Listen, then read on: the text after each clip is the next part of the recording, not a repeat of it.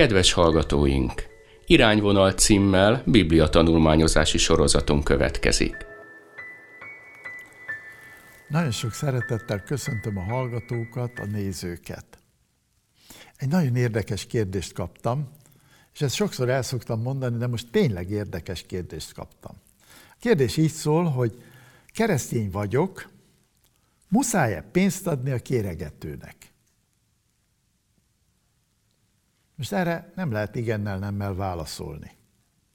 A szegénynek segítségre van szüksége, és Jézustól azt az életformát tanultuk, hogy mi a másokért itt élő emberek vagyunk. Ez azt jelenti, hogy a másik ember felé mutatom meg azt a Krisztusi arcomat, ami nem magamtól van, hanem azért, mert élek pedig többé nem én, hanem él bennem a Krisztus.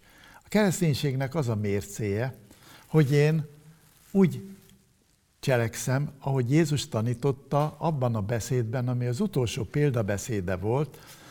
Ez arról szól, hogy jobb és bal keze felé állítja az embereket, és az egyiknek azt mondja, amikor éhes voltam, ennem adtatok, szomjas voltam, innom adtatok, beteg voltam, meglátogattatok, stb. A másiknak is azt mondja, amikor éhes voltam, nem adtatok ennem, beteg voltam, nem látogattatok meg, szomjas voltam, nem adtatok innom. És mind a két csoport egyformát kérdez. Mikor láttuk, Uram, ezt? És Jézus egyformát válaszol. Amikor egyel az én legkisebb atyám fiai közül megcselekedtétek. Na de most ez azt jelenti, hogy pénzt kell adni, muszáj pénzt adni a kéregetőnek. Sajnos a fogyasztói társadalom egy, egy nagyon érdekes dolgot épített ki. Az emberek többé már nem a munkáért dolgoznak, hanem a pénzért. És az első pillanatra nem baj, hiszen a munkának van egy ellenértéke, ez a fizetés. És ez rendben is van, ez így volt az Ószövetségben, így volt Jézus idejében, így van a keresztények életében, de ma elterjedt az, hogy pénzhez jutni munka nélkül. Én nem hiszem, hogy például támogatni kellene azt a lépcsőn ülő, aluljáró lépcsőn ülő, tejfölös porrat szorongató fiatal embert, aki háromszor olyan erős, mint én, és majd kicsattan az egészségtől, és kír valami blabla szöveget, hogy éhes vagyok, adjanak enni. És hogyha véletlenül egy szelet kenyeret, mondjuk az uzsonnámat odaadom, akkor a visszanézek, bedobja a kukába, mert nem éhes, csak pénzre van szüksége, és munkanélkül akar pénzhez jutni, nem biztos, hogy ezt támogatni kell. Segíteni kell az embert. Amikor Amerikában voltam, akkor nagyon sokszor amerikaiaknak felvetettem, hogy végső soron, ha én munkanélkül adok valakinek pénzt, és ezért nem várok valami szolgáltatást, akkor én rongálom a másikat. Mert Isten a mi anyagi javainkat hozzákötötte a munkához. A munkát most a legáltalánosabb értelemben értem. Nem biztos, hogy ez egy munkahelyi gond, ö, dolgozást jelent, hanem az, hogy én a másokért itt élő ember legyek. Tehát a másik embert nem veszhetem el, nem belőle élek, nem élősdi vagyok, hanem én érte élek. Neki akarok adni valamit. Nagyon érdekes, hogyha elmegyünk a muszlim világba, hogy egy ilyen képtelen példát mondjak, mondjuk Törökországba elmegyünk.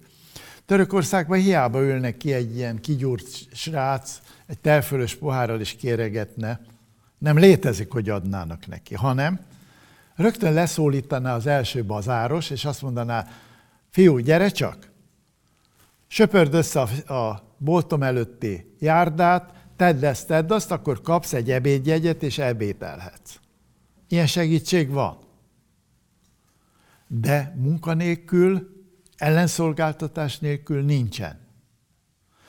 És engem nagyon könnyekig meghat az, hogy nagyon sokszor fogyatékos emberek, akik tényleg rászorulnak a támogatásra, mennyi jót tudnak tenni. Ismerek egy olyan embert, akinek mind a két lábát levágták, és gyerekekre vigyáz. Ismerek olyant, aki eh, szellemi fogyatékos, és megtanították telefonközpontosnak, kiválóan végzi a munkáját. Ismerek olyan vak embert, testvérünket, aki kiválóan megtanult kompjúterezni, és kompjúterrel tud dolgozni. Ezer és ezer alkalomban tenni valamit a másikért. Tehát a munka nem egyszerűen pénzkeresés, tenni a másikért. És nagyon érdekes, az ókeresztény irodalomban van egy könyv, a 12 apostol tanítása, amiben van egy nagyon érdekes mondat. Ez így szól, adj szívesen, de izzadjon meg a garas a tenyereden. Mit akar ez mondani? Nem azt akarja mondani, hogy legyél irigy, és reszkesen a kezed, hogy jaj, most adni kell, milyen rossz, mert üdvözülni akarok, ezért adni kell, nem ezt. Hanem azt, hogy gondold végig, hogy mind segítsz. Ha egy embernek te befizetsz a következő egy liter alkoholra, aki ott ül a aluljáró lépcsőn, azzal te nem segítettél rajta, löktél egyet rajta a szakadék felé. De ha egy embert megtanítsz, egy ilyen állapotban lévő embert visszaemelsz a társadalomba. Egy hajléktalannak célt adsz az életének.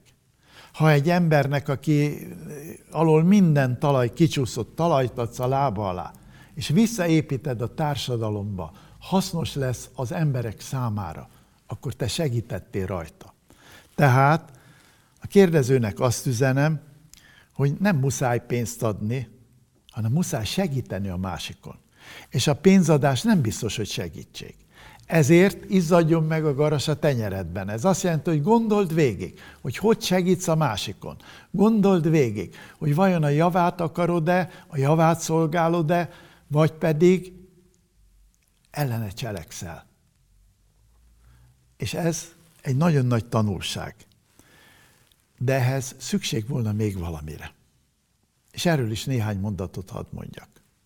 Fel kellene fedezni, hogy a munka az nem egyszerűen rossz dolog. Még keresztények körében is elterjedt az, hogy a munka az a bűnnek a következménye. Nem. A munka éden örökségünk. Isten a bűneset előtt adta az embernek azt, hogy műveljed és őrized ezt a világot. Ezt a művelni és őrizni, ezt nagyon-nagyon kellene hangsúlyozni nekünk keresztényeknek. Volt egy szembe lévő házban lakó úriember, aki egy nagy-nagy vállalatnak volt a főmérnöke. Egy sztrók után lebénult, és újra tanult járni. És úgy tanult járni, hogy amikor oda költöztünk, még nagy-nagy szemét volt, még mindenki költözött, mindenki csak eldobta a papírt, a szemetet, hordta a szél, a nejlonzacskókat, stb. Egyszer csak egy szöges végű bottal megjelent ez a szomszéd. És minden papírhoz oda botorkált, félig nyomorékan felszúrta és berakta a kukába, és tisztává tette a környezetét. És megkérdeztem tőle, hogy mondja a szomszéd, mert ahonnan költöztünk, ott is szomszédom volt. Nem szégyen magának egy vállalat főmérnöke most szemetesként dolgozik itt a lakótelepen? Felcsillant a szeme, és azt mondja, nem. Isten arra tanított, hogy nyomorékon is valamit kell a másik emberért, a többiért csinálni. Ezek a szegények most költöztek, elengedték a papírt, örültek, hogy már itt vannak, és be tudták rendezni a lakást. Én megyek, és összegyűjtöm a szemetet. Ez az ember keresztény volt. És ezért nem pénzt kell adni az embereknek, életcélt kell adni az embereknek. És az az életcél nem más, mint a keresztény alap dolga, hogy mi keresztények a másikért itt élő emberek vagyunk.